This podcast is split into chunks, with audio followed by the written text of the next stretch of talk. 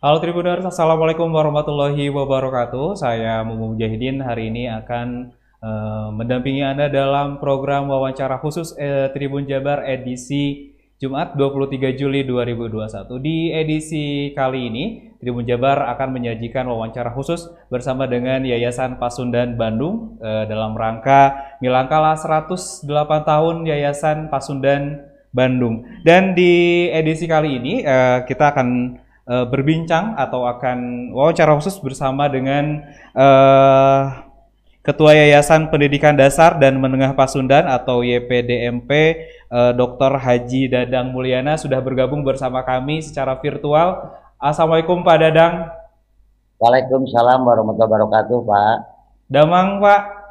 Alhamdulillah saya Sawang Sula Pak. Alhamdulillah Damang. Pak Wilujeng Milangkala Pasundan Yayasan Pasundan Nuka 108 ya Pak ya? Mohon Pak, mohon Pak. Oke, okay. baik. Oh, uh, Pak Dadang boleh tahu ini posisi di mana nih Pak? Lagi di mana nih Pak? Saya di ruangan saya Pak. Jadi mohon maaf, uh, mohon izin saya tidak pakai masker karena saya cuma sendirian Pak. Oke, okay. siap. Saya juga mohon izin nggak pakai masker nih Pak Dadang. Karena kebetulan di ruangan cuma ada saya dan juga berdua. Baik, uh, Pak Dadang, sebelum kita mulai uh, apa namanya diskusi atau uh, ngobrol, mungkin ngobrol ya Pak ya, ngobrol bersama dengan uh, Pak Dadang, uh, saya beritahukan kepada para tribuners di luar sana bahwa uh, tayangan ini disiarkan langsung secara live di YouTube dan juga di Facebook Tribun Jabar. Jadi bagi anda mungkin yang sedang di apa namanya, sedang di dalam ruangan atau di mana pun, silakan bisa mengakses langsung uh, program wawancara khusus tribunjabar.id edisi hari ini uh, eksklusif uh, wawancara khusus bersama dengan Pasundan Bandung Yayasan Pasundan Bandung di Facebook dan juga channel YouTube tribunjabar.id. Oke, okay. uh, Pak Dadang mungkin langsung saja ini uh, saya akan mungkin akan ngobrol terkait tema kita hari ini. Ini menarik sekali Pak temanya Yayasan Pendidikan Dasar dan Menengah Pasundan berkiprah untuk mengembalikan kejayaan pendidikan Pasundan masa lampau. Nah, ini menurut saya ini sangat luar biasa sekali punya apa ya? Ada semangat uh, perjuangan tentunya di dalamnya. Uh, langsung saja mungkin Pak bisa ngobrol sedikit tentang uh, sejarah mungkin flashback seperti apa nih Pak uh, Yayasan Pasundan, Bandung Pak di masa lalu sampai saat ini berusia di 108 tahun nih Pak. Baik, uh, terima kasih Pak. Assalamualaikum warahmatullahi wabarakatuh. Waalaikumsalam warahmatullahi wabarakatuh. Pak, uh, atas nama pengurus Yayasan Pendidikan Dasar Menengah Pasundan mengucapkan selamat ulang tahun kepada paguyuban Pasundan yang ke-108. 108 tahun ini adalah usia yang sudah cukup mapan. Paguyuban Pasundan sebagai salah satu organisasi kemasyarakatan di Jawa Barat yang terhitung sudah sangat tua. Tuanya itu bukan hanya karena usia, tapi sudah cukup mapan. Kiprah Paguyuban Pasundan yang selama ini sudah dapat teruji di mata masyarakat dan sudah dapat dirasakan manfaatnya oleh masyarakat. Oleh karena itu, seluruh pengurus Yayasan Pendidikan Dasar Menengah Pasulan turut mengucapkan selamat semoga Wiwan Pasundan ke depan bisa terus berkiprah mengambil bagian dalam pembangunan terutama dalam mencerdaskan kehidupan bangsa dan menyiapkan kader-kader bangsa ke depan yang lebih baik. Nah, terkait dengan Yayasan Pendidikan Dasar Menengah Pasundan, Pak, Yayasan Pendidikan Dasar Menengah Pasundan itu adalah merupakan salah satu badan garapan di bawah uh, Paguyuban Pasundan. Jadi Paguyuban Pasundan yang lahir tahun 1903 uh, itu, 13 itu, itu memiliki tiga badan garapan badan garapan yang pertama yang disebut dengan Yayasan Pendidikan Tinggi Pasundan yang membawahi lima perguruan tinggi seperti UNPAS, STIE Pasundan, STKIP Pasundan dan STH Pasundan, maaf, empat perguruan tinggi.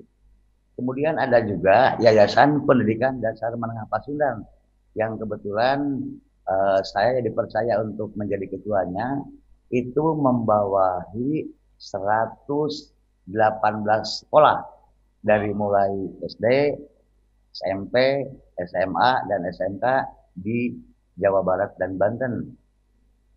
Nah kemudian badan garapan yang satu lagi adalah badan garapan Yayasan Kesehatan Rakyat, di mana di situ kita ada mendirikan ada bank, ada koperasi, ada unit-unit usaha lain.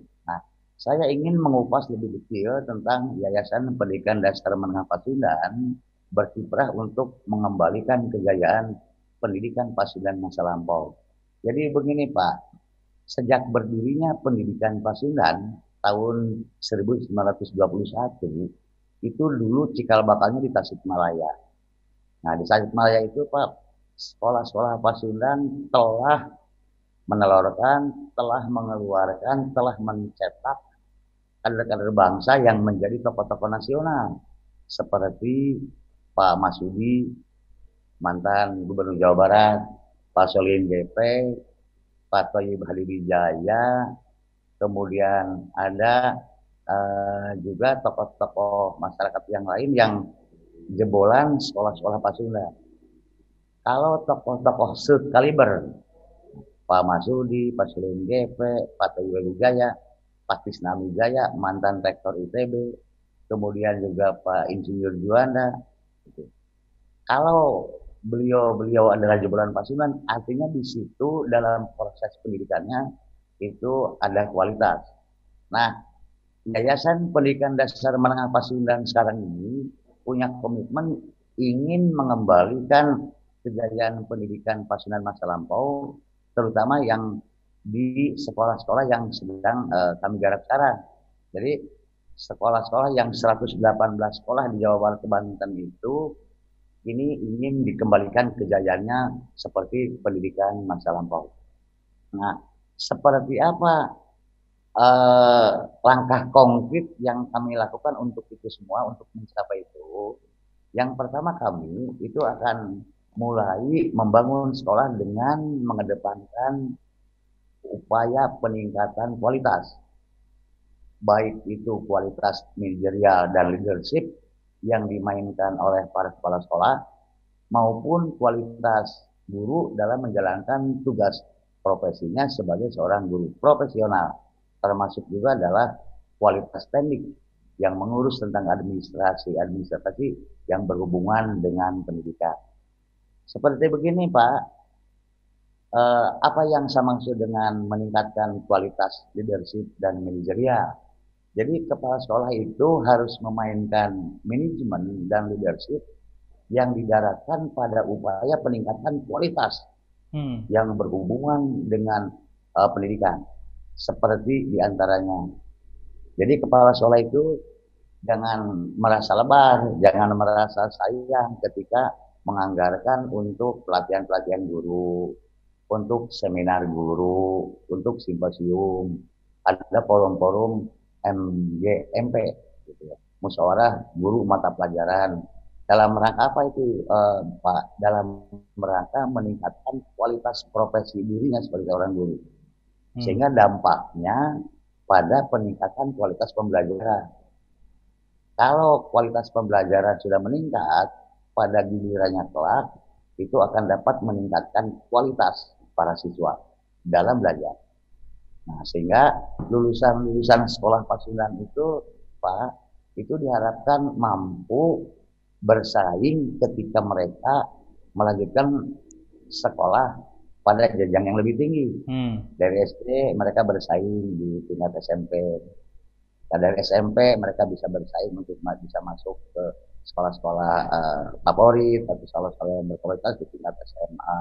Nah kemudian lulusan-lulusan SMA dan SMK pun mereka juga mampu bersaing untuk merebut kursi di perguruan tinggi negeri. Nah, di samping itu, di samping kualitas akademik, juga dengan peningkatan kualitas profesi seorang guru diharapkan mampu mempersiapkan lulusan sekolah-sekolah Pasundan itu di samping untuk melanjutkan ke jenjang yang lebih tinggi, juga mampu berkiprah dan memerankan diri di tengah-tengah masyarakat menjadi anggota masyarakat yang baik, menjadi anggota masyarakat yang solid, menjadi uh, anggota masyarakat yang toleran, menjadi anggota masyarakat yang mengusung kesatuan dan persatuan. Nah itu ini menjadi sangat penting Pak, menjadi sangat penting.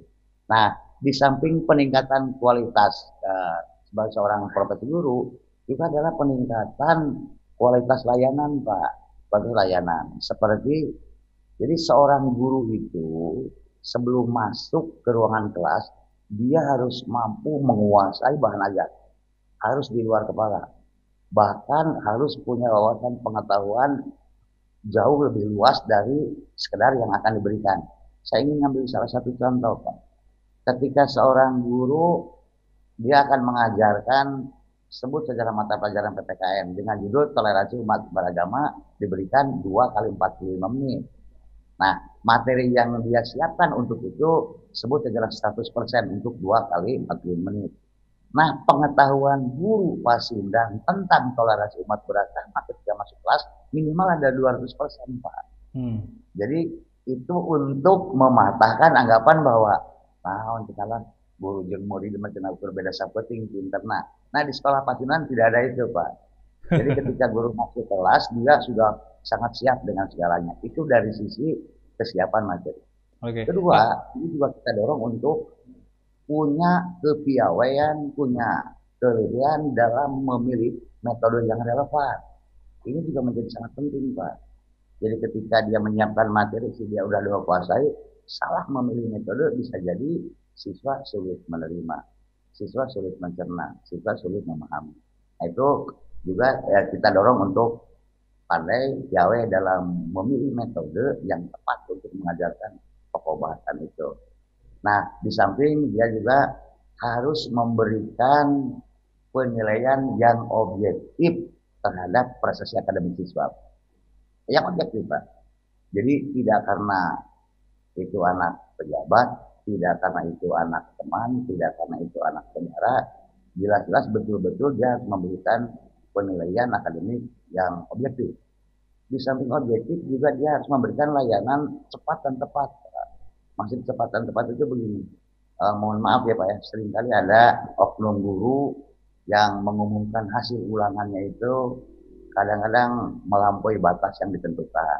Nah kami sekarang ya punya komitmen mendorong semua guru untuk di samping memberikan penilaian secara objektif juga harus memberikan layanan yang cepat dan tepat. Oke, okay. nah, Dadang sebelumnya ini uh, apa namanya rencana atau uh, ini terbentuk karena memang ada tuntutan uh, di tengah pandemi seperti ini atau memang sudah uh, sudah dijalankan nih Pak program seperti ini apa peningkatan tadi kualitas dari mulai uh, kualitas kepala sekolah terus kemudian juga guru dan juga uh, layanan ini eh, memang sudah di, berjalan Pak atau masih dalam upaya eh, perencanaan gitu Pak? Karena di tengah tantangan pandemi mungkin kasusnya akan jadi beda nih Pak. Baik, sudah Pak, ini sudah dijalankan. Hmm. Tapi kita juga punya strategi khusus bagaimana proses pembelajaran di masa pandemi seperti sekarang ini Pak. Hmm. Jadi guru-guru diarahkan mereka itu di samping mempersiapkan materi sesuai dengan kurikulum, juga adalah penguasaan dalam mengoperasionalkan IT. Nah itu satu Pak.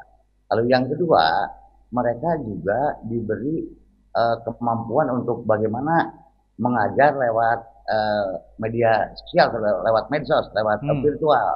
Ini ini sudah sudah kita support di situ Pak, sudah kita support di situ. Bahkan guru-guru pasunan itu sampai tahu ketika para siswa belajar melalui daring, gitu Pak, melalui daring, ketika performanya sering kali mohon maaf nih Pak ya yang namanya anak-anak sekolah terutama anak-anak SMP SMA kalau urusan pakai seragam kan nama celana pondok gitu. itu karena daring ya Pak ya nah soal soal sampai itu saja kami ya kami coba uh, dikawal itu Pak kami menjadi catatan khusus termasuk bagaimana or, peran orang tua ketika anak-anaknya belajar melalui daring melalui daring Nah ini juga menjadi hal-hal yang uh, oleh kami menjadi perhatian serius Pak. Saya bisa memastikan, ngomong, bisa memastikan bahwa efektivitas pembelajaran daring itu masih di bawah dengan efektivitas pembelajaran secara langsung. Hmm. Aku punya keyakinan itu Pak, aku punya keyakinan itu karena pembelajaran secara langsung itu sangat berbeda. Ada sentuhan-sentuhan psikologisnya, yeah. kemudian suara yang terdengar langsung dari guru, guru pandangan guru terhadap semua siswa yang berada di kelas. Tapi kan kita berpikir daripada tidak, daripada tidak, daripada anak tidak belajar, Nah, kita manfaatkan suasana pandemi ini dengan menggunakan fasilitas Zoom atau dengan uh, pembelajaran daring. Karena gini Pak, di, di, di masa-masa pandemi ini kita dihadapkan pada pilihan yang sangat sulit.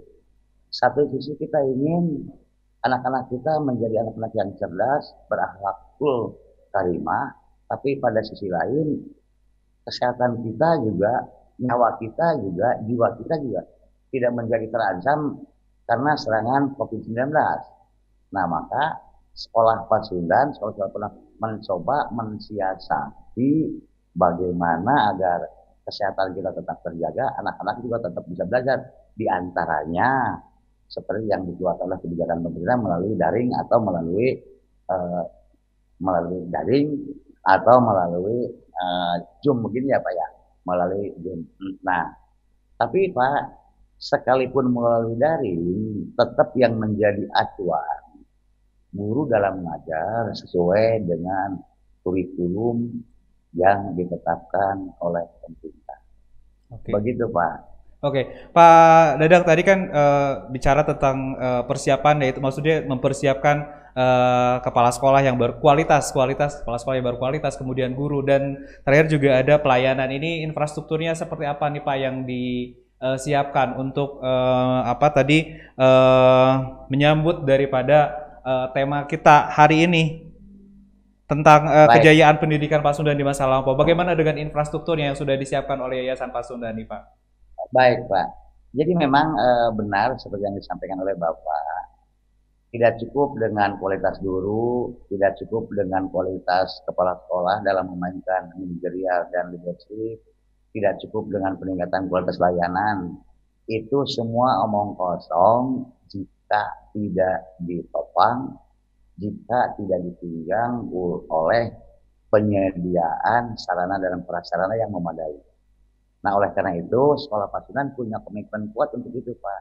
Bukti konkret untuk itu, nah, lima bulan ke belakang, sekarang sudah berjalan lima bulan, kami sekolah Pacunan sekarang sedang menambah ruang kelas, sedang mendirikan, sedang membangun gedung sekolah di kompleks sekolah Jalan Kebon Jati, Pak. Hmm. Di situ sekarang kita, kita membangun empat lantai. Sekarang posisinya di 70 persen, Pak. Insya Allah dalam kurun waktu 2-3 minggu ke depan, itu insya Allah sudah selesai. Benar kata Bapak tadi, penyediaan sarana yang memadai itu menjadi sangat penting dalam upaya meningkatkan kualitas, dalam upaya meningkatkan mutu, baik mutu protes maupun mutu lulusan. Nah, nah, namun Bapak eh, yang saya maksud dengan syarat prasetya pembangunan itu gini Pak. Jadi pembangunan penyediaan sarana dan prasarana di sekolah-sekolah Patundan itu harus didaratkan pada upaya memberi kemudahan. Memberi kemudahan memperlancar siswa dalam belajar. Jadi kami itu membangun gedung sekolah tidak membangun seperti hotel yang punya nilai jual dari performa, tapi kemanfaatannya Pak. Hmm. Laboratorium harus tersedia, ruang IT harus tersedia, taman juga taman yang kalau mungkin uh, sekolah itu memungkinkan untuk membuat taman, taman yang bisa dimanfaatkan bagi para siswa dalam istirahat untuk dia bisa belajar. Maka di sekolah SMA Pacunan 1 yang di Jalan Balang Muda itu Pak, di situ ada taman botani Pak. Di situ ada taman botani. Di situ ada satu taman di mana eh, taman itu ditanami ayat cikur, ayat sereh, ayat tomat, eh, ayat plak jengkol dan dan berbagai macam. Itu ditanami oleh para siswa okay. ketika belum pandemi, pandemi, Pak. Ketika belum pandemi Pak. Nah, jadi di samping eh, dari sudut keindahan juga itu memberikan keindahan tersendiri dalam pandangan mata, tapi juga ada relevansinya dengan fasilitas belajar bagi para siswa. Nah, jadi Pak, eh, sekolah-sekolah Pasundan dalam membangun dan mempersiapkan sarana dan prasarana infrastruktur itu komitmennya adalah didaratkan pada upaya memberikan layanan dalam proses pembelajaran. Jadi ruang guru, guru kudu nyaman Pak di ngajar. Siswa oke kudu nyaman dalam belajar sarana yang dibutuhkan guru dalam mengajar juga harus tersedia. Sarana yang dibutuhkan oleh para siswa dalam belajar juga harus tersedia. Ini menjadi fokus perhatian kami, Pak. Oke, baik Pak. Tapi uh, saat ini kan uh, artinya tidak ada uh, tatap muka, tidak ada uh, apa namanya, tidak ada pertemuan antara guru dan uh, siswa ini seperti apa nih Pak? Uh, tadi kan sudah dibahas sedikit tentang pengawasan, bahkan si siswa istilahnya cuma pakai seragam ke atasnya aja sudah tahu ya Pak ya. Nah ini uh, tahu tahu Pak. nah ini bagaimana nih Pak ke depannya ini tantangannya kan kita belum tahu nih Pak si pandemi ini sampai kapan gitu. Nah ini akan seperti apa nih Pak ke depannya? Ya, jadi uh, kami Pak kami berasumsi kami berasumsi bahwa pandemi ini tidak akan berakhir dalam hitungan hari hmm. atau dalam hitungan bulan. Asumsi kami itu saja dulu. Kalau asumsi seperti itu, maka kita harus mempersiapkan segala sesuatu di sekolah itu untuk kepentingan pembelajaran pada masa pandemi. Oleh karena itu, di tiap-tiap sekolah, apa begitu masuk gerbang, di situ disediakan hand sanitizer di setiap sudut, di setiap sudut juga sudah kami sediakan. Kemudian masker juga kami sediakan. Barangkali ada tamu yang kebetulan maskernya sudah mohon maaf Pak, mohon maaf. Mungkin maskernya sudah dua hari dipakai, itu kami tawarkan Pak, Bu, kalau tidak berkeberatan uh, kami mengusulkan agar masker ibu diganti. Ini maskernya, ini tempat cuci tangannya. Termasuk juga para siswa, Pak termasuk juga para siswa. Jadi sekolah-sekolah pasunan ini berasumsi bahwa pandemi ini tidak akan berakhir dalam hitungan hari, dalam hitungan minggu atau dalam hitungan bulan. Nah, karena asumsi itu maka kita harus mempersiapkan segala sesuatunya yang terkait proses pembelajaran di masa pandemi untuk jangka waktu yang belum bisa kita tentukan, Pak. Okay. Belum bisa kita tentukan. Jadi bisa dikatakan walaupun misalnya uh, apa namanya pembelajaran tatap muka belum bisa digelar, tapi sebenarnya uh, apa namanya pendidikan uh, Pasundan dari jenjang tadi ada 118 uh, sekolah SD, SMP, SMA dan SMK ini sebenarnya udah siap Pak dan sudah menerapkan protokol kesehatan gitu. Ya sudah siap Pak. Bahkan kami ini Pak bukan hanya penyediaan secara konvensional hanya sekedar menyiapkan hand sanitizer, hanya menyiapkan masker, kemudian ada alur untuk menunjukkan pengaturan jarak, kemudian setting kursi-kursi juga dengan uh, apa menunjukkan ada pengaturan jarak. Tapi kami bukan hanya sekedar itu, bahkan secara kelembagaan kami membuat gugus, Pak. Jadi di tingkat yayasan itu ada gugus yang disebut dengan uh, gugus COVID, Pak. Jadi ada tim khusus yang uh, menangani uh, satu pencegahan, yang kedua pada penanganan dalam batas-batas tertentu, Pak. Dalam batas-batas tertentu. Jadi katakanlah, nah di tingkat yayasan ada gugus. Kemudian turun ke bawahnya itu kami ada ketua gugus COVID atau gugus uh, kendali COVID itu ada K3SP Pak jadi kelompok kerja kepala sekolah Pasudan. Jadi kelompok kerja kepala sekolah K3 SP. Itu ada Pak kelompok strukturnya.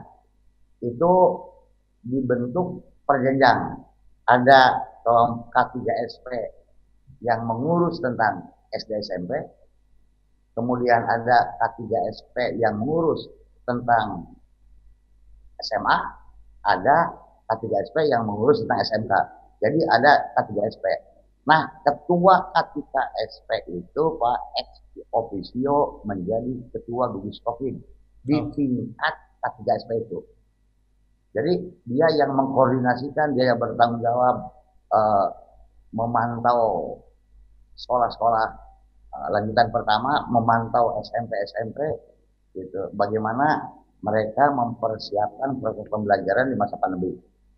Mana uh, yang kita sebut dengan hand sanitizer posisinya ada di mana, mana tisunya, mana uh, maskernya, bagaimana pengaturan ruang gurunya ketika guru satu dua orang masuk itu di tingkat KTSP. Nah di tingkat sekolah juga kita ada. Jadi ada tiga struktur pak. Ada tiga struktur. Ada gugus kopi di tingkat yayasan. Uh, strukturnya ada ketua, sekretaris, dan ada uh, bendahara, terakhir koordinator pelaporan. Kemudian di tingkat KTSP. Nah di tiap-tiap sekolah pak, kepala sekolah itu ex officio menjadi ketua gugus COVID di sekolah yang bersangkutan. Hmm. Jadi, Jadi artinya di 118 uh, eh, sekolah yayasan pas di bawah yayasan Pasundan berarti sudah sudah terbentuk uh, tim sus ya Pak ya? Kalau kita sudah kita kita uh, sangat concern dengan uh, bagaimana mencegah penularan COVID bahkan dalam batas-batas tertentu kami bukan hanya mencegah tapi juga turut serta dalam meringankan Oke, okay. seperti apa nih Pak? Bagaimana? Ah, seperti ini Pak. Salah satu contoh ada di beberapa sekolah yang terserang COVID Pak. Hmm. Nah, itu bukan hanya sekolah yang bersangkutan yang memberikan bantuan vitamin, dirujuk ke rumah sakit, kemudian kalau harus ada isoman eh, bagaimana dia makannya siapa yang nah itu pak gugus itu itu bertanggung jawab pak dia sampai begitu termasuk di yayasan Nanti yayasan juga memberikan bantuan. Oke. Okay. Seperti yang terjadi, memang eh, kami tidak bisa pungkiri ada beberapa guru pasukan yang terkena itu. Kami segera koordinasi dengan gugus di K3SP dan sekolah. Kemudian selama itu sudah bisa ditangani oleh sekolah, eh, bantuan bantuan berupa vitamin, buah-buahan dan lain sebagainya, Pak. Nah, kami juga terus kita membantu itu. Oh, membantu okay. itu. Baik, tapi sejauh ini aman ya Pak ya di seluruh di 118 uh, sekolah. Alhamdulillah. Oke, okay. uh, eh, Pak Dadang kembali lagi tadi ke tema kita uh, yang sangat menarik tentang apa namanya berkiprah untuk mengembalikan kejayaan pendidikan Pasundan di masa lampau. Ini kenapa mengambil satu tadi kenapa mengambil tema itu terus kemudian uh, jadi pertanyaan saya ada apa dengan pendidikan hari ini Pak? Ya, uh, jujur Pak, pendidikan Pasundan hari ini memang jujur saja ya, kalau ukurannya kita bisa menelurkan tokoh-tokoh nasional dalam jumlah yang cukup banyak. Nah, kita pendidikan sekarang ini belum mampu menyamakan jumlah lulusan sekolah Pasundan yang sekaliber atau yang sekelas tokoh nasional. Hmm. Itu sebenarnya salah satu ukuran saja, Pak. Okay. Walaupun walaupun gitu ya, tidak berarti upaya mengembalikan kejayaan sekolah Pasundan itu tidak berarti ada kemerosotan sekarang, Pak. Hmm. Karena beda-beda beda tantangan, beda karakteristik gitu ya. Beda kasus, Pak. Nah, karena pendidikan Pasundan sekarang itu harus adaptif dengan kekinian. Oke. Okay. Maka pendidikan Pasundan di samping meningkatkan kualitas akademik, kemudian uh, mempersiapkan lulusan yang berakhlak terima, itu baru bisa dicapai juga harus berbasis pada kekinian, Pak. Berbasis pada kekinian. Maka kehadiran IT, gitu, uh, cara belajar yang berbasis pada IT itu menjadi sangat penting, menjadi sangat penting. Nah, jadi sekali lagi ingin saya tandaskan Pak, ingin saya tandaskan kami menggunakan salah satu ukuran keberhasilan pendidikan masa lampau itu di antaranya banyak sekali tokoh-tokoh yang dilahirkan dari sekolah-sekolah Pasundan. Nah, kenapa tidak? Walaupun itu bukan satu-satunya ukuran keberhasilan sebetulnya. Bisa jadi ada yang berkiprah di sektor ekonomi, bisa berkiprah di uh, sektor politik, sektor pendidikan dan lain sebagainya. Okay. Yang pasti kita ingin, nah kurang lebih kira-kira begini Pak. Oh, Oke. Okay. Uh, syukur-syukur pendidikan Pasundan sekarang itu di samping bisa menelurkan tokoh-tokoh nasional dalam jumlah banyak, juga adalah menelurkan lulusan-lulusan yang selalu memenangkan persaingan hmm. pada setiap persaingan kehidupan di masyarakat. Apakah persaingan ekonomi, persaingan pendidikan, persaingan eh, eh, berbagai macam persaingan, Pak. Kira-kira begitu. Baik, makanya tadi salah satunya adalah uh, menciptakan atau menyiapkan uh, kepala sekolah yang berkualitas. Kemudian tadi juga ada guru yang berkualitas, termasuk juga tadi infrastruktur ya Pak ya, yang disampaikan. Tadi juga adalah satu uh, guru harus uh, menguasai 200% materi, jangan sampai lebih pinter anaknya daripada gurunya gitu kan. harus adaptif. Terus tadi juga catatannya harus adaptif dengan menciptakan metode yang kreatif ya Pak ya, karena emang sekarang uh, apa namanya guru harus uh, membaca tantangan teknologi kemajuan teknologi seperti itu. Betul Pak. Gini Pak, jangankan pengetahuan itu di bawah murid Pak. Sama dengan murid pun sekolah-sekolah Pasundan tidak berkehendak itu. Rumusnya guru harus punya wawasan jauh lebih luas ketimbang siswa. Kira-kira begitulah Pak.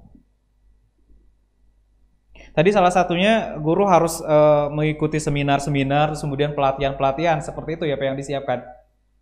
Di antaranya itu Pak, jadi dia jangan pernah ketinggalan uh, informasi informasi terkini Pak, peristiwa-peristiwa yang uh, yang aktual. Jadi guru pasional didorong untuk terus update berbagai peristiwa yang terjadi bukan hanya di Indonesia termasuk di dunia karena peluang untuk tahu siswa itu peluangnya sama karena ada media sosial Pak. Jangan sampai siswa sudah lebih dulu tahu apa yang terjadi di Amerika sana karena guru gaptek, karena guru sering tidak buka uh, tidak buka apa itu YouTube, tidak buka internet, informasinya jadi malah keduluan siswa. Nah ini harapan kami uh, guru-guru pasukan tidak mengalami hal seperti itu. Oke, Pak, ini kan ada 118 eh, apa sekolah di bawah Yayasan Pasundan yang tersebar di Jabar dan Banten. Ini kan tidak hanya berada di sebuah perkotaan, artinya kan teknologi juga bagus, terus kemudian juga eh, perkembangannya juga eh, maju gitu. Nah, ini adakah Pak yang di lokasi-lokasi uh, mungkin terpencil yang berada di mungkin di Banten dan di Jawa Barat yang berada di pelosok ini seperti apa nih Pak untuk uh, yayas apa sekolah di bawah Yayasan Pasundan? Ya benar sekali itu Pak karena sekolah-sekolah Pasundan ini tersebar di Jawa Barat Banten dan tidak hanya tersebar di kota-kota tapi juga ada di kota-kota kecamatan yang sering kali akses komunikasi akses info, informasi itu menjadi sangat terhambat. Itu memang hambatan tersendiri, Pak. Tapi kita kita coba komunikasi dengan kepala sekolah, kepala sekolah mencoba mensiasati, akhirnya alhamdulillah. Jadi seperti gini, Pak. Tidak semua siswa SMP itu di daerah, terutama di pelosok, itu memiliki sebut sajalah laptop gitu ya, Pak ya. Hmm. Nah, itu biasanya kepala sekolah itu punya kreativitas, Pak jadi dia meminjamkan uh, laptop dalam jumlah tertentu di ruangan tertentu. Jadi uh, katakanlah gini Pak, jadi sistem sistemnya sistem bergilir. Oke. Okay. Hari ini datang uh, hari ini datang 20 orang. 20 orang datang 20 orang itu ditempatkan di dua di 20 ruangan. Hmm. Nah, gitu kan Pak. Jadi satu ruangannya satu orang. Itu mereka belajar di situ. Soalnya kalau di rumah di rumah yang bersangkutannya Pak itu sering kali tidak terjangkau oleh jaringan. Oke. Okay. Jadi mereka dipusatkan di sekolah yang terjangkau oleh jaringan. Kemudian fasilitasnya juga kita bantu dengan meminjamkan uh, dengan meminjamkan laptop didampingi oleh operator yang uh, profesional. Oke, artinya memang itu tadi ya eh, Yayasan Pasundan memfasilitasi uh, apa sekolah-sekolah yang yang bisa dikatakan kesulitan akses seperti Betul, itu ya, Pak. Oke. Baik Pak terkait uh, ada perbedaan antara mungkin persiapan di uh, apa namanya SMK. Ini kan uh, uh, SMK khusus untuk uh, apa namanya mempersiapkan diri uh, jenjang pekerjaan ke depannya. Nah ini seperti apa nih Pak? Ada treatment khusus nggak Pak antara mungkin uh, persiapan SMP dan eh apa maaf uh, SMA dan SMK? Jelas Pak ada beberapa perbedaan karena kalau SMK itu lebih penekanannya pada skill Pak, hmm. jadi pada keterampilan. Jadi tapi mohon maaf tidak berarti mereka juga tidak diberikan pengetahuan Pak. Tapi pengetahuan yang diberikan oleh guru kepada anak-anak SMK adalah pengetahuan eh, pengetahuan pengetahuan yang memberikan penguatan pada penguasaan keterampilan Pak. Hmm. Jadi pengetahuan yang memberikan penguatan pada praktek. Jadi bukan pengetahuan secara umum itu satu. Okay. Lalu yang kedua, memang mereka juga ada ada eh, banyak praktek sulit memang pak sulit. Kalau praktek harus didaringkan sangat sulit, sangat sulit. Nah, oleh karena itu untuk hal-hal tertentu mereka bisa di, dibolehkan sekolah itu pun seizin tim gugus sekitar ya pak ya tim gugus covid sekitar dengan jumlah yang terukur dengan protokol kesehatan yang sangat ketat mendapat pemantauan dari pemerintah setempat, khususnya dari kelurahan, kita bisa jalan Pak, bisa jalan. Itu satu. Lalu yang kedua, memang eh, ada ada kekhususan sangat spesifik untuk SMK. Jadi di samping mereka juga harus diberikan pengetahuan, mereka juga tetap harus berakhlak mulia, tapi mereka juga punya keterampilan yang bisa diserap oleh dunia kerja dunia kerja. Nah, untuk bisa diserap di dunia kerja, sekolah pasunan itu harus melakukan studi kelayakan. Apa sih yang dibutuhkan oleh pasar? Apa sih keterampilan apa yang dibutuhkan di perusahaan ini? Skill apa yang dibutuhkan di perusahaan ini? Skill apa yang dibutuhkan uh, di perusahaan yang lain? Nah, hasil studi kelayakan itu ini akan menjadi bahan pengayaan kurikulum di SMK, Pak.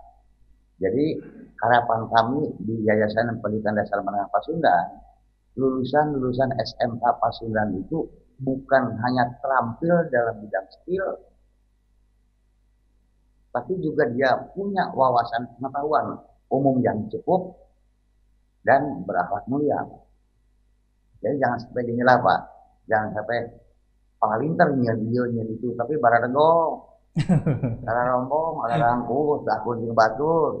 Nah, sekolah pasunan tidak berharap itu, Pak. Tidak berharap. Tetap saja sekalipun sekalipun sepandai apa pun dia, seterampil apa pun dia, kalau yang namanya jebolan sekolah pasunan, tetap dia harus punya tata krama.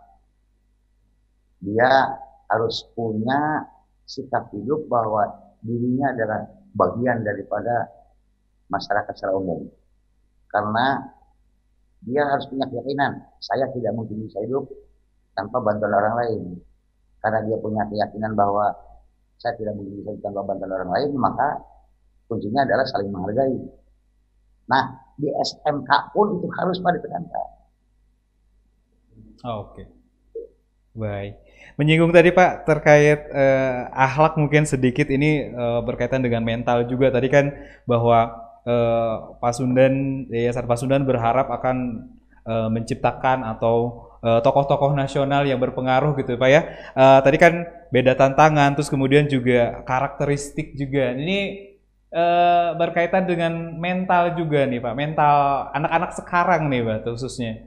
Ini artinya bahwa uh, susah gitu Pak maksudnya membangun selain tadi ya akademik tapi juga mental gitu Pak. Mental uh, apa namanya mental anak-anak atau mental uh, peserta didik untuk menjadi sebuah orang uh, tokoh yang artinya nantinya berpengaruh terhadap uh, di masyarakat gitu Pak. Ini bagaimana Pak dengan tadi uh, mental? Nah, baik Pak, saya, saya, saya sepakat dengan Bapak. Saya sangat sepakat Pak. Jadi memang sekolah itu bukan satu-satunya lembaga yang bisa menjamin lulusan itu ke depan menjadi berakhlak mulia, menjadi tokoh masyarakat, menjadi orang yang baik. Tapi di luar sana, di luar sekolah, di luar sekolah sebagai sebuah lembaga itu banyak faktor yang turut membantu mencetak kader-kader bangsa ke depan. Salah satu di antaranya adalah keluarga, Pak. Nah, oleh karena itu, ketika membagikan rapot sebelum masa pandemi, sekolah-sekolah pasunan itu ketika mengundang orang tua siswa untuk menerima rapot, itu bukan sekedar menyerahkan rapot, Pak. Tapi di situ terjadi komunikasi dua arah. Antara wali kelas mewakili sekolah dengan orang tua. Nah, apa yang dikomunikasikan tentang anaknya, Pak? Tentang anaknya. Yang yang, yang sama sih begini, Pak. Keberhasilan mencetak kader bangsa ke depan itu jangan hanya mengandalkan sekolah atau tidak bisa hanya dicetak oleh sekolah. Tapi keluarga juga punya peran yang sangat penting. Bisa jadi, Pak, bisa jadi itu porsinya bisa lebih besar di keluarga. Bisa bisa jadi seperti itu. Karena kan di sekolah kan hitungnya paling 6 jam, Pak. Kalau masuk jam 7, 8, 9, 10, 11, 12. Mungkin hanya 5 jam. Di luar itu ada di keluarga, ada lingkungan masyarakat. Kalau kita hitung 24 jam, 19 jam itu Pak di luar pengawasan sekolah. Itu. Nah, maksud saya begini Pak, mau ini. Jadi memang harus ada kerjasama yang baik antara sekolah, masyarakat, dengan keluarga. Saya mengambil salah satu contoh yang sangat sederhana Pak. Ketika anak didik diajarkan di, oleh guru di sekolah Pasundan untuk hidup hemat, ya sebut saja dengan menabung, kemudian untuk tidak hidup boros. Ternyata oleh ibu bapaknya karena saking sayangnya terhadap anak, segala dituturkan, dibawoi. dimanja mau ya, ini kasih. Mau ini kasih. Mau ini kasih. Ya siapa orang tuanya apa yang tidak sayang pada anaknya tapi dalam konteks pendidikan itu menjadi sangat tidak baik. Artinya patulan tonggong jadi antara sekolah dengan orang tua mendorong anak pada arah yang berlawanan. Hmm. jadi ini ini ya contoh sederhana ya pak. Seperti ini pak nabung. Nabung itu pas sebetulnya bukan bukan ngumpul ke duit salah anak kuncinya dalam konteks pendidikan adalah pembiasaan. Anak diberi bekal oleh ibunya, sebut saja anak SMA Pak, 10 ribu per hari, sebut 10 ribu. Nah, oleh sekolah itu dididik, coba nak, jajankan 5 ribu saja, 5 ribu tabungkan. Nah, itu pembiasaan Pak. Jadi dia biasa 5 ribu jajankan, 5 ribu tabungkan, 5 ribu jajan lima ribu tabung bukan berharap akumulasi tabungan di akhir tahun tapi perubahan sikap mental hidup hemat itu yang lebih penting dalam konteks pendidikan pak. Lain dia dia mah nabung kukolot lah. Jadi di di bekelan sudah gede. Di akhir tahun terutama di SD di SMP pak ya. Di SD di SMP nabung. Jadi anak-anak nabung ada seratus ribu dua ratus ribu tiga ribu dengan harapan nanti kalau di akhir tahun dina kenaikan kelas wah anak saya panggilan nabung nah, di, di kolotnya teman Iya. Itu contoh sederhana ya Pak ya, contoh sederhana membangun mental anak gitu. Jadi memang harus nah. ada kerjasama antara pihak sekolah dan juga orang tua yang dihubungkan melalui komite sekolah. Mungkin seperti itu ya Pak, bahwa e, membangun mental ini harus bersama-sama gitu. Tidak hanya cukup sekolah, tapi juga orang tua. Nah, termasuk pemerintah melalui kebijakan-kebijakan, okay. uh, eh, termasuk pemerintah melalui kebijakannya, Pak, melalui hmm. kebijakan-kebijakannya. Karena apa nih, Pak? Hidup di era global seperti sekarang ini tidak ada satu orang pun yang bisa lolos dari lininya globalisasi. Hmm, ya. Yeah. Nah, apa yang terjadi di Los Angeles sana, semua orang sekarang tahu apa yang dimakan oleh orang Jepang semua orang tahu bahkan sekarang globalisasi ekonomi kan gini pak uh, terutama para ekonomi para ekonom ekonom kapitalis apa yang dimakan di Amerika itu harus termakan juga di Ciparai itu harus termakan juga di daerah Lembang itu kepentingan ekonomi Kata kuncinya apa Pak? Kata kuncinya adalah pengendalian diri. Itu tawaran kan Pak? Menawarkan. Ini cocok untuk di Amerika mah minum satu sloki karena suhunya sangat dingin. Hmm. Oleh agamanya tidak dilarang. Kita urutan kudara panas di urang. Patu sesloki lima dua botol. Coba ku agamanya dilarang. Pada bagian mana kita bisa mengintervensi untuk bisa merubah sikap mental anak didik di antaranya di sekolah dengan di keluarga. Hmm. Nah, ulang diturunkan di rumah. Uji hawa nadinya untuk menghangat tubuh memang suhunya bisa jadi 0 derajat Celcius. Kedua, agama itu dilarang. Nah, orang ke rumah dilarang, sabotol, di daerah panas. nah makanya termasuk nanti uh, kebijakan pemerintah tadi Pak ya termasuk kebijakan pemerintah berpengaruh gitu termasuk kebijakan pemerintah juga sangat berpengaruh Pak berpengaruh Iya, yeah, oke. Okay. Baik, menarik sekali ini Pak. Udah 45 menit kita ngobrol tentang pendidikan. Rasanya memang masih banyak sih Pak yang harus di apa ya di ngobrol tentang pendidikan ini emang gak ada habis apalagi sekarang pandemi banyak sekali tantangannya ya Pak ya. Ya baik. Kalau boleh saya minta statement terakhir Pak. Hmm. Nah, Yayasan Pendidikan Dasar Menengah Pasundan menghimbau kepada seluruh lapisan masyarakat bahwa pendidikan adalah menjadi kebutuhan yang pasti menjadi sesuatu yang pasti adanya karena ini adalah investasi jangka panjang. Oleh karena itu, mengimbau kepada seluruh masyarakat Indonesia, khususnya masyarakat Jawa Barat, untuk tetap bersemangat menyekolahkan anak-anaknya sampai pada jenjang-jenjang tertentu. Karena salah satu jalur yang bisa mempersiapkan anak bangsa ke depan menjadi anak bangsa yang soleh, soleha, anak bangsa yang produktif, anak bangsa yang punya daya saing, anak bangsa yang berani menegakkan kebenaran, di antaranya adalah jalur pendidikan. Terima kasih Pak Mumu.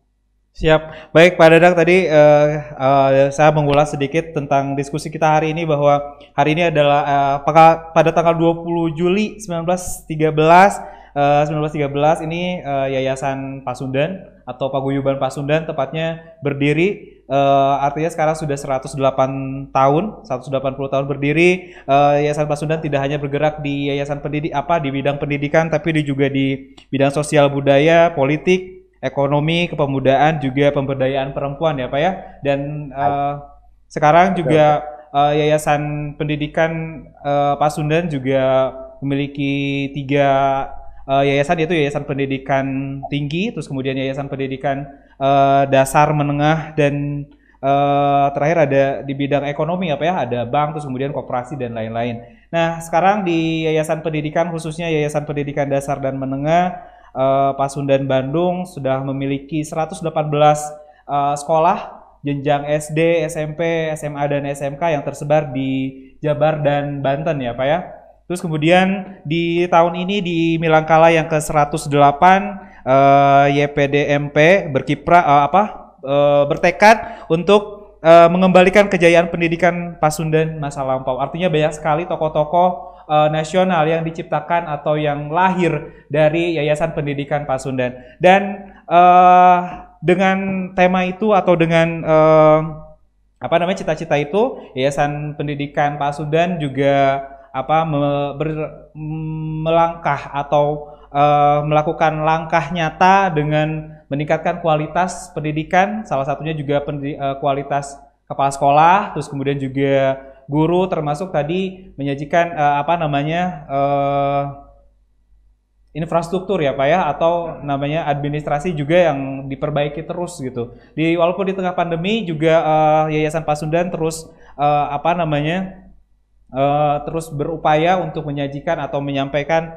uh, pendidikan, menyampaikan atau menyajikan pendidikan yang uh, sesuai dengan yang diharapkan oleh masyarakat seperti itu.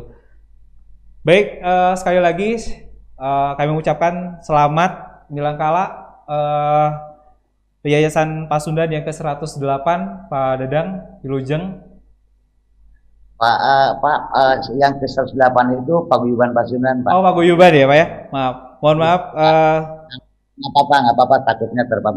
Kalau YPDM-nya pendidikan Pasundannya berdiri tahun 2000 eh tahun 1922, Pak. 22. Oke, baik. Jadi uh, tadi saya ulang hampir satu abad YP, YPDM. Oke.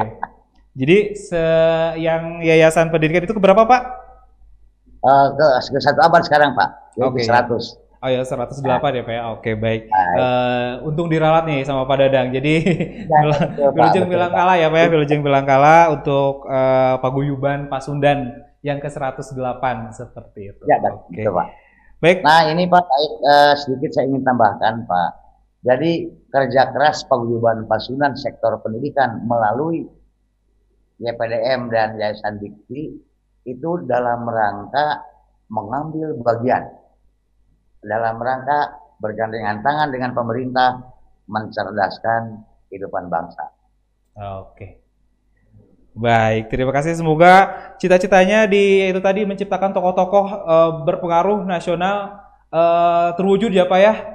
Amin, amin, amin, Pak, amin. untuk mengembalikan kiprah pendidikan di masa lampau. Baik, uh, Tribuners demikian wawancara khusus bersama dengan Paguyuban Pasundan uh, bersama dengan Ketua Yayasan Pendidikan Dasar dan Menengah Pasundan Bandung ada Dr. Haji Dadang Mulyana atur nuwun Pak Dadang Wabillahi saya Mumu Mujahidin wabillahi taufiq wal hidayah. Wassalamualaikum warahmatullahi wabarakatuh.